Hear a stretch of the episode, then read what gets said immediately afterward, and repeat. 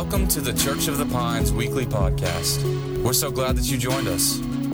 If you have any questions about our church, how you can get involved, or how you can support, please visit churchofthepines.com. We hope that you enjoy this week's message.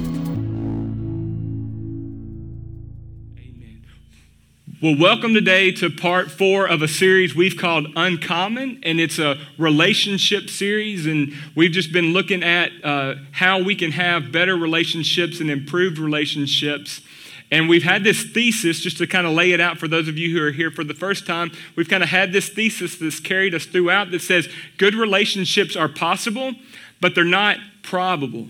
Possible, but not probable. Why is that?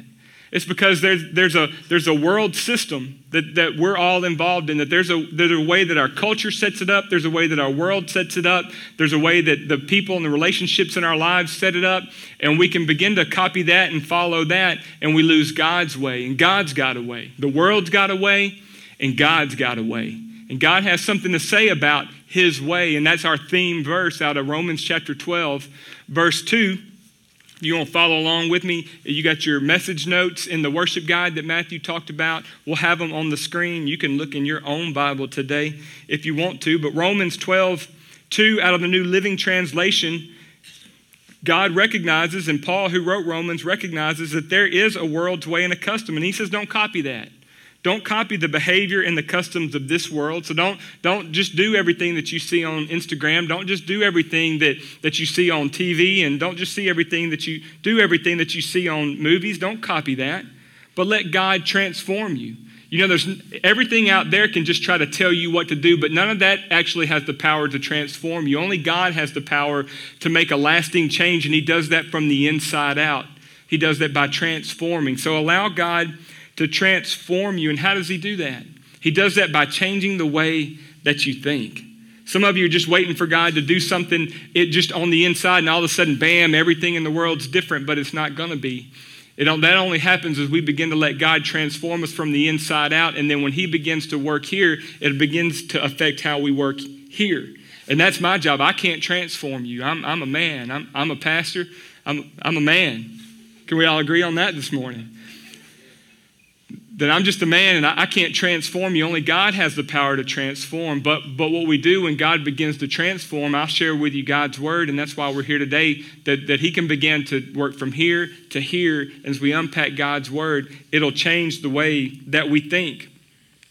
And in doing that, what's why? Why does He want to do that? Because it's then that we will know God's will, which is good and pleasant and pleasing and perfect. How many of you want a perfect life?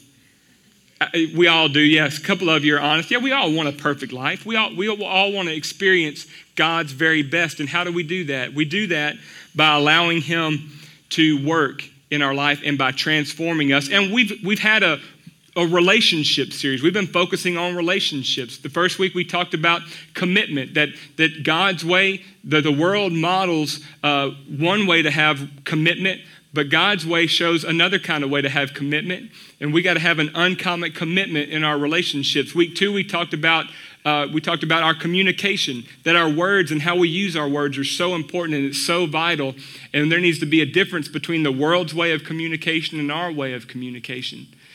Then last week we talked about conflict, uncommon conflict, and there's a there's a world's way to fight and argue and have conflict and resolve conflict, and God has a way that He wants us to resolve conflict. And can I tell you, I've received so much feedback from these series of messages. Just three short messages have led to so many conversations, and if I've had a lot of conversations about it, I know that you've had a lot of conversations about it as well. And today we're wrapping up the series. It's part four, and I want to close the series and I want to answer the question today why? Like, have you ever thought about it? Like, why does it matter? Why does it matter if I have good relationships? Like, what, what, I, I, is, is it just for me? That just so that I can have a good marriage, just so that I can have a perfect life? Like, is that really what God wants for you? Is that really God's plan for you to have a perfect life? Or is there something more to it to there, to, is there something more to it than that? Today, I want to answer the question why. Why should I have good communication? Why should I resolve my conflict well? Why should I learn to really commit and what true commitment means? I'll tell you why. Because God's called us to have an uncommon influence in this world. The God's called, God has wants His church to have uncommon influence. The world has, the world has, has uh, led our culture in a way that, that it has everything that it wants to say. It, it has a way to voice everything that it wants us to know. It has a way to voice everything that it wants us to do. And the church has become very silent in the things that matter, and I think very vocal in some of the things that don't matter. God's called us to have an uncommon influence, and I would say that it's vital. Uncommon relationships are vital because we've been called to have uncommon influence. Just a couple of definitions of influence to help you understand what that means. Influence in Merriam Webster's dictionary is the power or capacity of causing an effect in indirect or intangible ways. Another definition is the capacity to have an effect on the character, development, or behavior of someone or something, or the effect itself. How do, how do we impact the world around us? How do we influence the world around us? That matters. And that's why our relationships are so important. I was thinking this week about a, a, CD that I had in high school. How many of you remember CDs? We, it's nine o'clock. It's the early, probably the older group. We all had CDs at one point or another. Those of you who don't know, it came in a little square box like this with this little silver disc in the middle of it, and you had to put it in this um, player in your car. Or anyway, that CD some of you are like, I remember albums. Some of you even go further back than that. But I had this CD of this band I liked, and somebody gave it to me for my birthday. And the beginning of the CD started out with a woman speaking Spanish. And I, I didn't speak Spanish and I didn't know what it says. And this is really even before the internet days that you could just Google something and know what it meant instantly. So I went a long time without knowing what it meant. But she opened up, they opened up the CD with this statement, and I'm not going to give it to you in Spanish, I'm just going to give it to you in English. I'd butcher that. But she said, it opens up, and this, this is the band's message to this third album that they put out. It said, Ladies and gentlemen, we have more influence over your children than we do. And we love them. Peace. They actually had the nerve to say, and I think they were probably right. Your kids have this CD, and because they had this and listening to this, we have more influence over them than you do. And I think if we're not careful as the church, we'll allow the world to come in and crowd out the influence that God's called us to have in our society. And there's a couple of ways that we can do this. There's a couple of ways that we can leverage our influence. And for a lot of you in here today, your parents or your spouses, maybe you're even grandparents today, and you know and you're doing your best to influence your kids, you're doing your best to influence your spouse, you're doing your best to influence your grandkids, you're doing the best to influence those. Uh, I love God and I love the things that He does, and I'm so passionate about it, and I'm trying to influence the world around me. Maybe you're here and you get that. But until we're transformed, going back to our theme verse, until we're transformed, until we allow God to come in and we really begin to think like He thinks and let His word change our life, that on our best day, we're going to influence the people around us the world's way. And we got to be transformed so we can influence our world's God's influence our world God's way. And some of you in here and you're trying to influence the world God's way, but yet you got some issues. Maybe, maybe you've been hurt. Again, kind of tying it into relationships today. Relationships hurt. Can I get an amen? Relationship, relationships are hard. Nobody's saying this is easy. Relationships are hard and they hurt us. And, and when we've been through hurt and we've been through issues and we've been through problems and we've been beat up and trampled down and rode hard and put away wet, it's hard. And it's hard to influence people the way that God wants us to in, influence people. And we can end up doing it this way. If you're following along in your message notes, I got some common influence. This is how the world influences people. We think, hey, I've been hurt, or I see what's going on in the world around me, and I'm going to protect mine. Right? I'm going to protect it.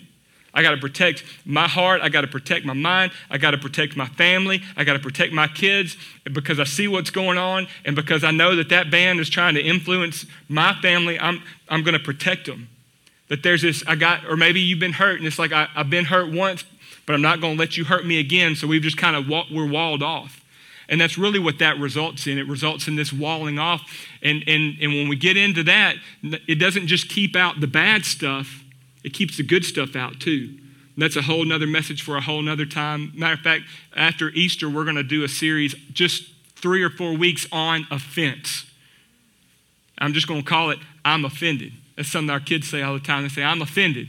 All right, well, let's talk about what that means and what that looks like. But that's what happens that we've been hurt, we've been, we've been messed up, and so I'm going to protect it. I'm not going to let anybody in. I'm going to protect me and mine. Another common, common thought in, in worldly influence is that, that I'm going to, I got to benefit. Like if I'm going to do it, then I better get something out of it. If I'm going to invest in this, or if I'm going to do something for somebody else, or if I'm going to have some influence, what are they going to do back for me? That's a world kind of influence. Another kind is I'm to control it. Hey, I'm not letting anything in, so I'm going to control, and control leads to manipulation, that I'm going to be in control. Like if I'm going to have anything to do with it, then, then I'm going to I'm gonna, I'm gonna get it right here, and I'm not going to let it go. I'm going to control this thing. And then this fourth, fourth kind of world way is that I got to win, right? We have that mentality. I only play games, I win, right? that I'm going to win. I've been hurt, and I'm not going to do it again if I can't win this game. I'm going to win. Speaking of, speaking of winning, I heard this story about these little league coaches and this travel, travel league, little league coaching thing. Um, this guy named Boudreaux. You ever heard of Boudreaux? A guy, I'm not, I'm not a Cajun, but i have been heavily influenced by Cajuns. Matter of fact, some of our overseers, and um, I'm actually this week get to go spend some time with a couple of our overseers and leadership in our ARC, the Association of Related Church. That's our church planting group. We'll go spend a couple of days with them, and they're all from South Louisiana, and they all love to tell these Boudreaux jokes about this guy from South Louisiana. And I think, man, it's just not fair that they get these great jokes. So from time to time, I try to share one. And this message is a little intense and a little challenging, so I thought I'd lighten it up right here. But thinking about thinking about winning, uh, Coach Boudreaux, Coach Thibodeau, and Coach Pierre, they were coaching this little league travel baseball team. And when they went out on the road, nobody wanted to stay with Coach Boudreaux because Coach Boudreaux snored. So every night they would every night they they'd flip a coin to see who was going to go in there and had to stay with Coach Boudreaux that night. So the first night they go in there and Coach Pierre uh, is Coach Pierre's turn. So he goes in there and spends, you know, they stay in the hotel. He comes out the next morning. Everybody's out the breakfast, breakfast area, and Coach Pierre comes out all blurry eyed, you know, red eyed. His eyes, as they say down south, all bloodshot. His eyes were all bloodshot. They come in and say, Man, how'd it go? He said, Man, it was terrible. He said, We got in that room, turned the light off. He said, He went straight to sleep, and I just laid in bed listening to him snore all night. Didn't get no sleep. So next night, it was Coach Thibodeau's turn. Coach Thibodeau, same thing. Goes in there, comes in the next morning, eyes all drooping, eyes all bloodshot. They said, Man, what happened? He said, Same thing. He said, Lights went out. As soon as lights went out, Boudreaux fell straight asleep. He said, I just laid there all night listening to him snore. So there's the fourth, fourth, fourth coach. He's a little smarter than everybody else. So he goes in that night, spends the night in there, comes out the next morning. He's all hands on his hips, all zippity doo dah, coming into the breakfast room. And they say, "Man, what? How, how, are you so? How are you so full of energy? Did you get some sleep?" And he said, "Absolutely." He said, "Well, tell us the secret. What did you do?" He said, Well, he said, we got in the room before we turned the lights off. I went over there, I tucked him in, I gave him a little kiss on the cheek, and then he laid there all night and watched me sleep. you, you want to talk about trying to, trying to get some influence, right? You can talk about controlling. Like he said, I'll fix that. I can influence this situation. that's just kind of, we just try to take it into our own hands. Maybe that might be going a little too far. I don't know. But Jesus modeled some uncommon influence. You know, Jesus had 12 guys that he traveled with, really had more than that that he traveled with, some men, some women, people traveled with him everywhere. I don't know if you've had a chance uh, here recently to watch this uh, show on VidAngel called The Chosen. If you haven't, I highly recommend it. It just it portrays Jesus' life and ministry in a really great and real way. So just that's a little extra note in, in Cajun style today. That's a little lagniappe for you, just a little extra. Write that down and, and take your, do yourself a favor and go watch this. It'll bring a whole new perspective to the way that you read the Bible. But they're out camping in tents and, and on the road all the time. And, and I bet Jesus had some snores, right, in the camp. I bet there's a couple times Jesus was probably tempted to go over there, kiss him on the cheek, and make him watch him. I wonder if he ever went, hey, in Jesus' name, in my name, stop snoring. If ever worked some miracles on him or something like that. But Jesus experienced people problems. Jesus experienced everything that you've ever experienced in your life. In three and a half years of ministry, Jesus experienced the same thing. And on your worst day, you have not experienced the worst thing that Jesus ever experienced. And the reason that this all ties into relationships is because if there's anything that's causing us problems in our life, and if there's any area or anything that's, that's affecting our influence, it is relationships. It's people problems. And why is that? I'll share a couple of things. People will disappoint you. Let's just face it, and this is, this is can we be real in church today? People will disappoint you. People are going to say one thing and they're going to do another. Jesus experienced this often in his ministry. As a matter of fact, I've got several scriptures that we'll show to you this morning that's going to kind of line up with this, and they all come from one guy. Like Jesus had Jesus had 12 disciples and 100 people that follow him, but, but for every point in this, we're talking about one particular guy that caused him all the problems, and that was Peter. Peter was Jesus' really right hand man. Peter had, uh, Jesus had three disciples, 12 disciples, three that were close, and we always say Peter, John, and James. Have you ever thought about that? We don't say James, John, and Peter. We don't say John, James, and Peter. We say Peter, John, and James. Why? Because he was his number, this is number one. But the person that he had the biggest relationship with was the one he had the most conflict with. Can you imagine that?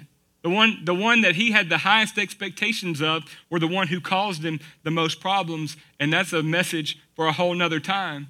But there were times in Jesus' ministry when Peter disappointed him. One of those times was when Jesus was walking on the water. That they had done this big, great ministry, and Jesus sends his disciples on boating ahead of them, and he comes out, kind of tries to catch up with them, and, and instead of just taking his own boat and row, row, rowing across to catch up with them, Jesus says, I'm, I guess he just wanted to show him a little bit of power. I don't really know why Jesus decided to walk to him on the water, but he did. He walks out on the water, and Peter, full of faith and knowing Jesus loved him and knowing that he could do it, Peter says, Hey, if that's really you, Jesus, call me out on the water. Jesus calls Peter out on the water. He stepped out of the boat, and you know what he did? He walked on the water. How cool is that? But as he was walking out, he was walking out to Jesus, he got concerned about everything that was going on around him, lost his focus, lost his concentration in the moment, and he began to sink. Can you imagine Jesus was standing there like, Yes, like somebody gets it, right? Somebody took a step of faith. Maybe you've experienced that in your relationships before. Maybe you have a, a child that you thought, yes, they're getting it. They're coming along. They're, they're going to get there. I see it. I see that little sliver of something in them. Come on, come on, come on, come on. And all of a sudden they just start drowning again. And you experience this disappointment. Jesus looks to Peter and he says, Hey, why, why did you doubt me? Like you came this far. Why did you doubt me? You just a little bit of disappointment there, just a little bit of man, you could have you could have done so much more, and, we experience that in our relationships, and that that affects our influence and our capacity to influence people. Another people problem is people make mistakes. Every time I say a statement like that, I think about Dr. Phil. He said, "It's okay. People make mistakes." Right? Can you hear Dr. Dr. Phil saying that? Don't ever mock me with that voice. That's terrible. People make mistakes. Peter made mistakes in Jesus' ministry. When Jesus was doing all this stuff, there were several times that Jesus just had to come alongside Peter and say, Hey, you just blew it right here, buddy. You, you blew it big time. One of those times when, was when Jesus was getting ready to go to the cross and they were getting ready for the final supper and Passover and all that kind of stuff.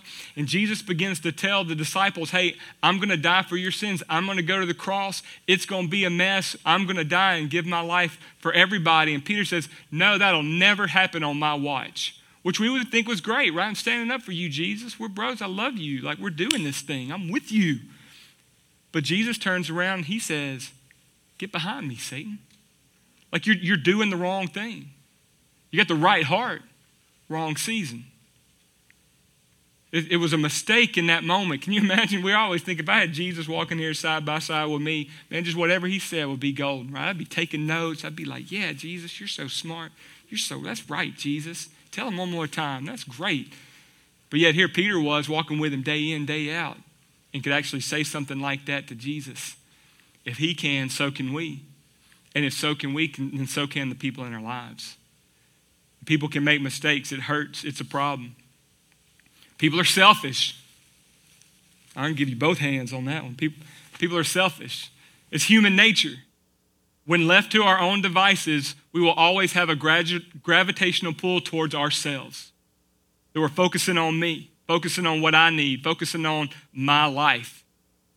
We see Peter caught up in this again. Again, there's Peter, John, and James, the three guys, and Jesus kind of leaves everybody else. He says, Hey, I got to go pray for a few minutes. You guys want to come with me? To which we'd all be like, Yeah, that's awesome, Jesus. I want to go pray with you. I get to be in just your little private devotional group. Yes, that's awesome. Let's go pray. So Jesus says, Hey, y'all pray here. I'm going to pray over here. He goes and prays, comes back in an hour, and they're asleep. Asleep. Fell asleep on Jesus. I know that wouldn't happen to anybody in here. But Jesus came back and he says, Hey, Simon, why are you sleeping? Couldn't you watch with me for one hour? Again, that's just, it's not intentional. He wasn't out to slight Jesus. He wasn't like, well, bless God. If, you, if I can't pray with you, I'm, I'm not going to pray at all. I'm just going to go to sleep. No, no, no. But there's this gravitational pull to focus on ourselves, the gravitational pull for people to focus on themselves and make it all about me. And every one of you, I'm, I'm not getting on you. I'm talking about you got people in your life who have done you this way. Jesus did too. How do, what do we do with that? How do we how do we manage this in our life? Last thing I'll share with you before we get into the rest of the message is people are going to betray you. Jesus experienced betrayal. Jesus experienced some of the worst betrayal that any person has ever experienced before. And again, on your worst day and in the worst betrayal that you have ever felt like you've experienced, you experienced nothing like this. Jesus experienced betrayal, and he experienced it from the people who he was closest to. Peter, who was his right hand man. Jesus told him in this last little meal that they had, he said, Hey, we're going to go from here. He's already told him, Hey, get behind me, Satan. You're a stumbling block for me. And then right after that, he tells him, Hey, we're going to get separated. And before daylight, before the rooster crows three times, he says, You're going you're, you're di- deny me three times. Peter's like, I will never do that. That's exactly what he did when confronted, Jesus is in his trial and all this drama's unfolding over here. And Peter begins to be confronted with the relationship and, and his association with Jesus over here. And they said, Hey, you're, you're one of those Jesus guys. You're one of those Jesus followers.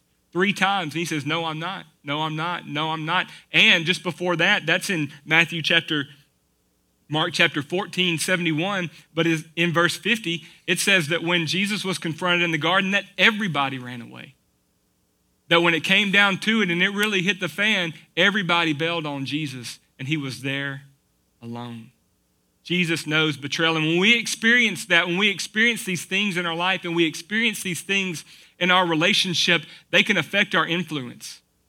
That we begin to not want to do anything for anybody. We don't, we don't want to put ourselves out there anymore. We don't want to give anymore. We want to keep it all in. I've been hurt. I've been there. I've done that. And but when we live that kind of life as individuals and corporately as a church, then we minimize and we reduce the amount of influence that God wants us to have in our world.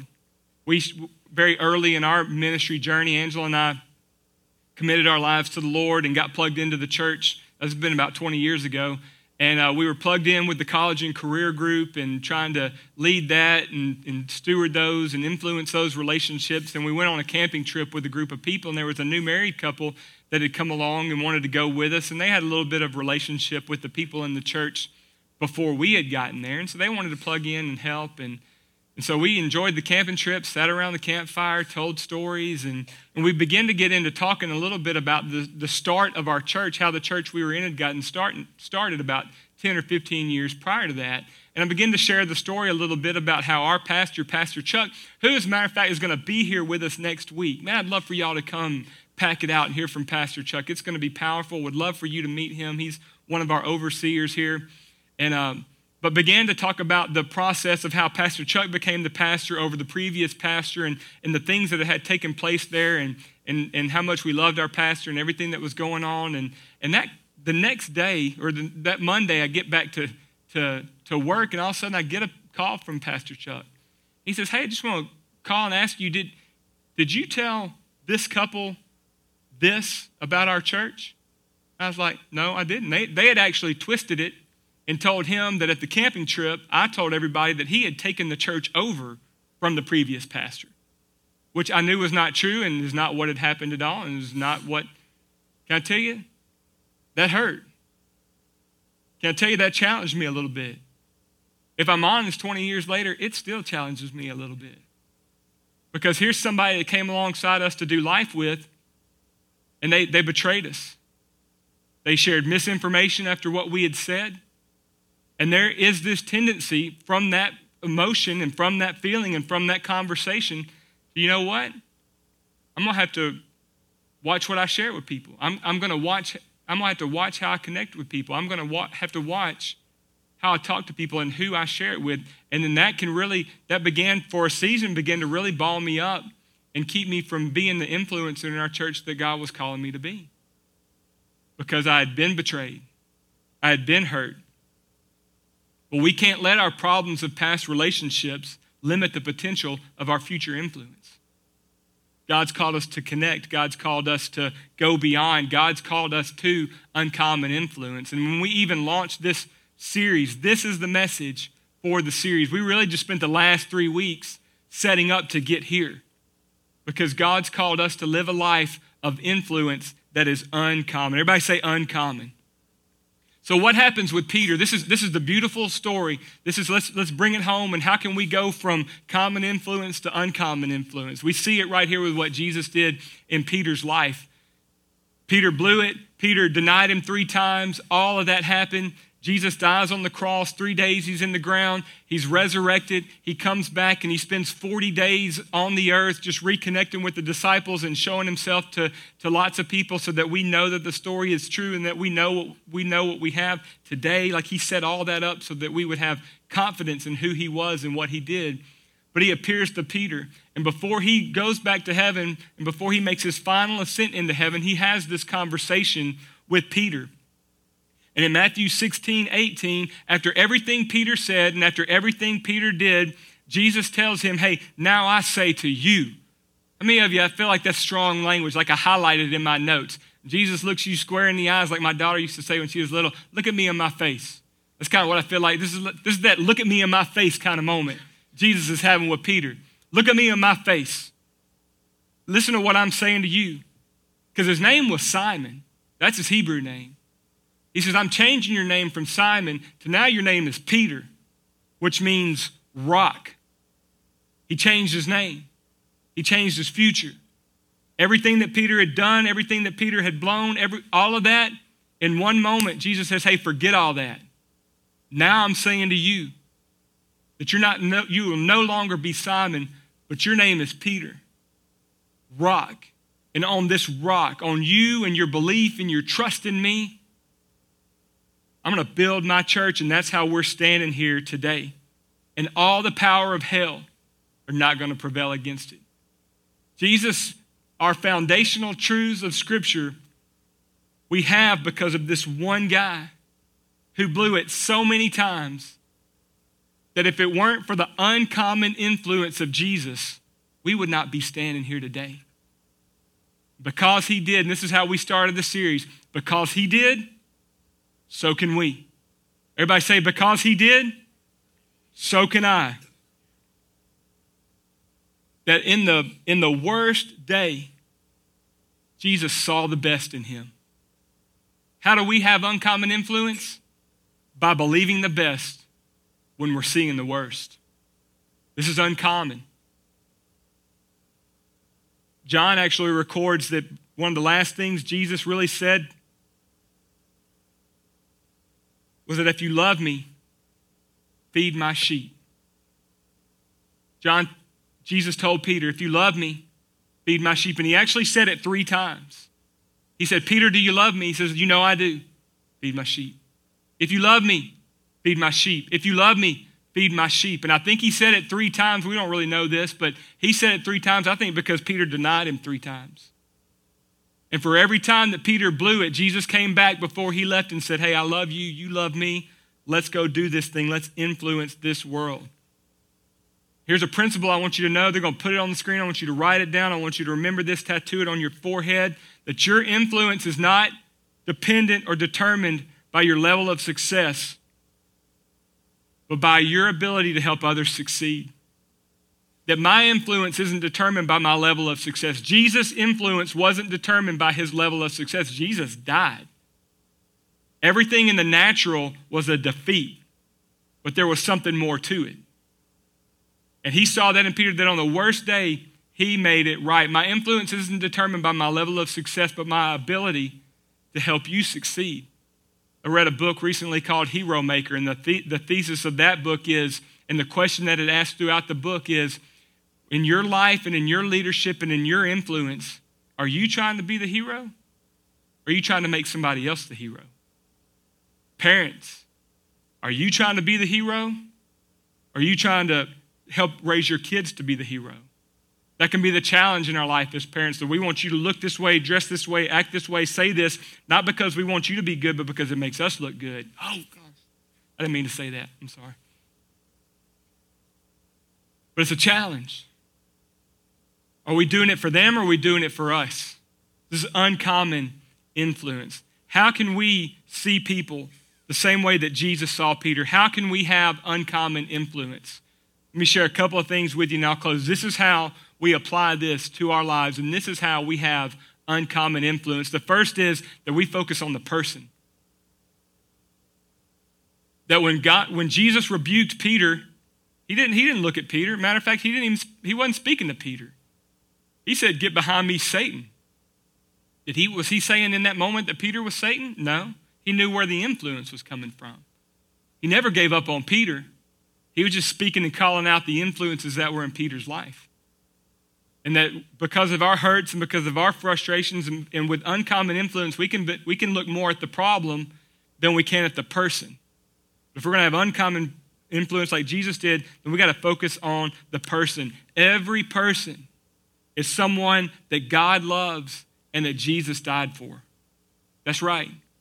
Even your mortal enemy on this earth, whoever that person is that you're thinking of right now, yes, them too that they are somebody that God loves and that Jesus died for. How do we influence them? Philippians says, don't be selfish and don't try to impress others, but be humble. Why? Again, let's always ask the question why? Why does this matter? Thinking of others as better than yourselves, and don't look out for your own, but take the interest in others too. That we're seeing and taking interest in the lives of others, that we're not just that we're not seeing what they can do for us. Again, we've talked about what uncommon influence looks like. That's not how we love people and, and interact in relationship with people. Oh, no, we take an interest in them. We're interested in others. So we focus on the person, not the problem. Secondly, focus on the positive. You're like, oh, Lord, here we go. Man, Les, I just call him like I see him. Yeah, I get that. Thank God Jesus didn't when it came to you. He didn't call it like he saw it, he saw through it. And he saw what you could be. He saw the positive. Ephesians 4 says, Be kind to each other, tender hearted. Love these words. Forgive. Some of you, that ask your step today, forgive. Just as God, through Christ, has forgiven you. He forgave you. He's forgiven them. He's been kind to you be kind to them. It is the kindness of the Lord, it is the goodness of the Lord, the Bible says, that draws men to repentance. It's not you calling it like you see it. You want to have uncommon influence. Hey, quit focusing on everything that they're getting wrong and start focusing on the things that they're getting right because everybody's getting something right. Forgive the negative, focus on the positive. Thirdly, focus on their potential. This is huge. This, this is the whole reason I'm standing here today. Because at 25 years old, I walked up in a, in a small group, lost as a goose. Somebody saw the potential in me and they began to call it out. We call it mine the gold. You know why I say that? Because you got to go digging for it. the relationships in your life, parents, those kids, they're not there yet. And we're not expecting them to be there yet. Matter of fact, none of us are there yet. None of us have arrived that we're all mining the gold and there's potential in each and every one of you. Do you love that Geico commercial with Pinocchio? Uh, that's not this moment. I just think it's so great. He's looking out there. He's, you got potential. You got potential. And every time he says it, his nose growing. But that's a lie because God created you, and each and every one of you, He created you with potential to fulfill everything that He called you to do. Ephesians, I'm sorry, 1 Peter 4 says, God has given each of you a great variety of his spiritual gifts. So use them. Well, I don't know what they are. Well, let's, let me help you. That's what Next Steps is all about. You heard about it in the news today. Give us four weeks. We'll help you become a member of the church, know what church membership's all about. We'll take you on a process, a process of discovering your gifts and talents. We'll take you through a, a, just a session on how do I take those gifts and talents and use them to influence the world around me. And then we'll give you an opportunity to plug in and become a te- part of a team of people who's doing the same thing. Let us help you discover your potential so that you can do this third thing and you can help other people do this. I'm sorry, fourth thing is focus on the purpose. You have a purpose. God created you on purpose for a purpose. Ephesians 2:10 we're God's masterpiece. He created us anew in Christ Jesus so we can do the good things that he planned for us long ago. God made you. God gave you potential. As a church, I mean that's uncommon that we want to help bring that out. And we want to help you step in to that purpose. Come on, this is where the rubber meets the road. Influence grows when you see in others what they can't see in themselves. And I promise if you'll come in, maybe, you've, maybe you've got a church hurt before. I know as a new church, we're, we just celebrated two years. We're in year three, and we're seeing people all the time come in with all kinds of baggage and hurts and pains. But I promise you, if you will plug in and go all in, we'll help you walk through this process. You got to be real, but we believe in you. We believe in God's plan. We believe in God's purpose for you. But we also know this number five, that it's a process. We're committed to the process. And in the relationships in your life, the influence in your life, if you want to see that person, if you want to see your family rise to the level that you know God's called them to be, if you want to see your marriage rise to the place and flourishing like you know that it's God's best, if you want to have God's best at work, if you want to have God's best in school, if you want to have God's best in every area of your life, you got to realize that it's a process. And if it's a process, then we got to have grace. There's got to be grace in the process. If you bow your head and close your eyes, we're going to close. Some of you are here today and you're in that process. You're in the process of going from really where you are. There's a place that God wants you to be. And I believe for each and every one of you in here, that there's positive in you that has yet to be brought out. That there's potential in each and every one of you that is yet to be tapped. That each and every one of you has a purpose. And maybe you're on that journey, but you know there's more. I'm inviting you today to be a part of the process.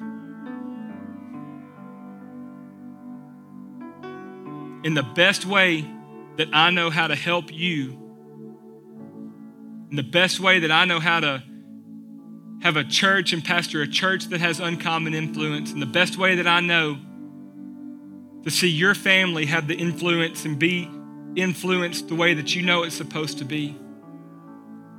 The best way that I know to help you influence your marriage and, and your kids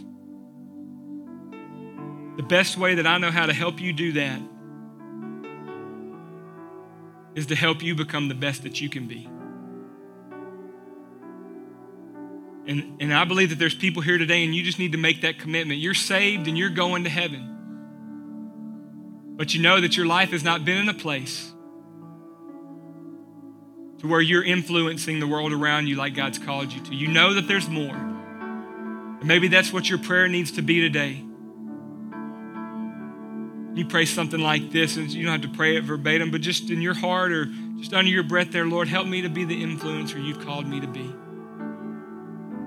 Help me to see people as you see people. Help me to love people as you've loved people. Help me to love people like you've loved me. Help me to see the potential and not the problems.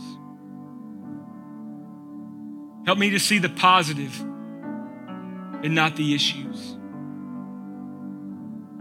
Lord, I want to be experiencing your good and pleasing and perfect will. Help me to do it your way. Maybe you're here today and your next step into walking in this kind of life and this influential life is by allowing God to come in and transform you. Maybe you've never had that encounter that experience today that you're here. you're like, that all sounds really good, but I don't know how to experience that. I'm still thinking the same way. Before you try to do anything that I shared with you today, you got to let God come in and transform you from the inside out. But this message will be frustrating to you and be a stumbling block to you if you don't allow God to transform you. Maybe you need to pray that, pray that prayer today. Lord, transform me from the inside out. Lord, I don't want to be the same. I want to be changed. I want to be transformed. We call that being born again. That here's who I was. Here's how I encountered Jesus, and now here's who I am. And I want every person in this room to be able to have that testimony. If that's you today and you're ready to allow God to come in you and do some transformation in your heart, I want to pray a prayer together with you. And so every head's bowed and everybody, every eye's closed and nobody's looking around. But if you're here today and you need to encounter God and you need to be transformed, we're going to pray a prayer with you. We're not going to bring you down to the front and we're not going to do anything to bring attention to you.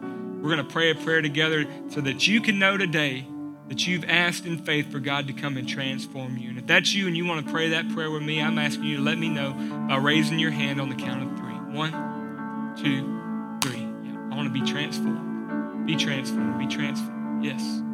Be transformed. I want to be the same anymore. It's awesome. Awesome. Well, everybody pray this prayer with me. Dear Heavenly Father, I thank you for Jesus. I believe that He died on the cross for my sins. I believe that after three days you raised him from the dead. And today, according to your word, I confess Jesus is Lord. I surrender. Jesus, come into my life, transform me, change the way I think. I give my life to you. Thank you for saving me. Thank you that I can, am born again. In Jesus' name. Amen. Hey, at nine o'clock service, hands all over the room. Can we give God glory for changing lives today? Amen. I love you guys so much.